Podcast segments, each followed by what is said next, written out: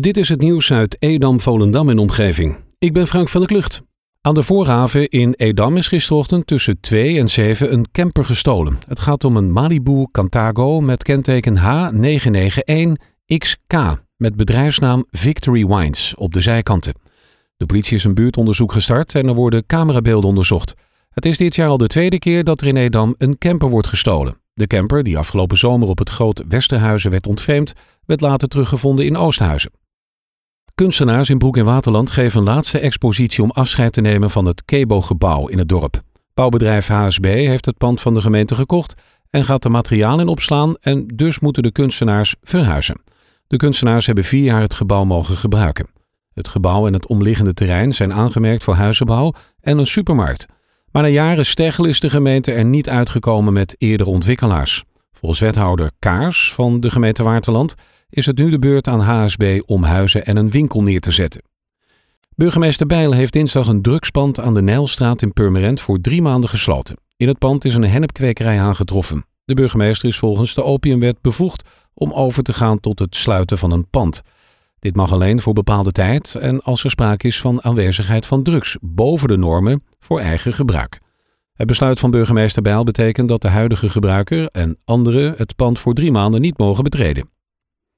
Een financieel gezonde culturele sector is belangrijk voor Purmerend. Net als vele sectoren is ook de culturele sector financieel hard getroffen door het virus en de bijbehorende coronamaatregelen. Veel culturele instellingen moesten half maart per direct sluiten om verdere verspreiding van het virus te voorkomen. Samen met het Rijk en de provincie Noord-Holland heeft de gemeente Purmerend een financieel pakket samengesteld van ruim 9 ton, zodat deze sector ook overeind blijft. Eigenaar Aagje 1 BV heeft op het moment dat Art Hotel Spaander in Volendam failliet dreigde te gaan, onrechtmatige betalingen van ruim anderhalve ton aan eigen vennootschappen gedaan. Dat meldt het Noord-Hollands Dagblad vandaag. Daarnaast maakt de familie Schilder op oneigenlijke wijze aanspraak op een deel van dit inventaris. Dat verklaart curator Michael Moeijes, die de familie nu dagvaart. De familie Schilder is het absoluut daar niet mee eens. Volgens Moeijes, belast met het faillissement van het hotel, is er de afgelopen maanden nogal wat boven water gekomen. Op 21 oktober organiseert het Centrum voor Criminaliteitspreventie en Veiligheid samen met de politie een online bijeenkomst over inbraakwerende maatregelen en het politiekeurmerk Veilig Wonen. In 45 minuten word je bijgepraat over de veilig hang- en sluitwerk, de zes wooneisen van de PKVW, malafide slotenmakers en slimme sloten, maar ook feiten en fabels over woninginbraak. Na afloop is er gelegenheid om vragen te stellen aan deskundigen van het CCV en de politie. De webinar is op woensdag 21 oktober om half acht en deelname is gratis. Alle 62 duurzame appartementen in project M-Dam in Monnikendam zijn verkocht.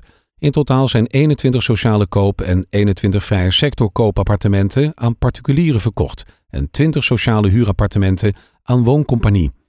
Dit najaar start in de fabriek de productie van het grotendeels uit CLT-hout opgetrokken appartementengebouw. In losse componenten worden de houten woningen aan de Pierenbaan in Monnikendam tot een compleet gebouw geassembleerd.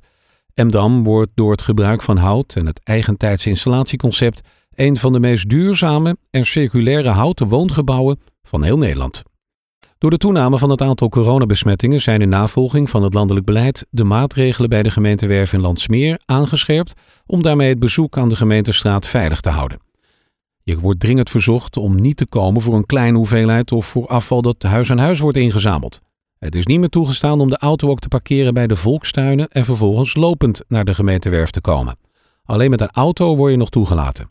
Sinds de corona-uitbraak geldt er een legitimatieplicht met een geldig legitimatiebewijs. Er zijn gisteren iets minder coronabesmettingen bijgekomen in vergelijking met dinsdag. Dinsdag kwamen er 138 nieuwe besmettingen bij, woensdag 128. Het totaal aantal besmettingen staat nu op 3837. Zaanstad had op het coronadashboard 64 nieuwe besmettingen, in totaal 1850. De relatief grote stad Purmerend heeft 16 nieuwe besmettingen. Edam-Volendam blijft een zorgelijk gebied in de regio met 21 nieuwe besmettingen. Het totaal staat daar op 534. Tot zover het nieuws uit Edam, Volendam en omgeving. Meer lokaal nieuws vindt u op de Love Kabelkrant, onze website of in de app.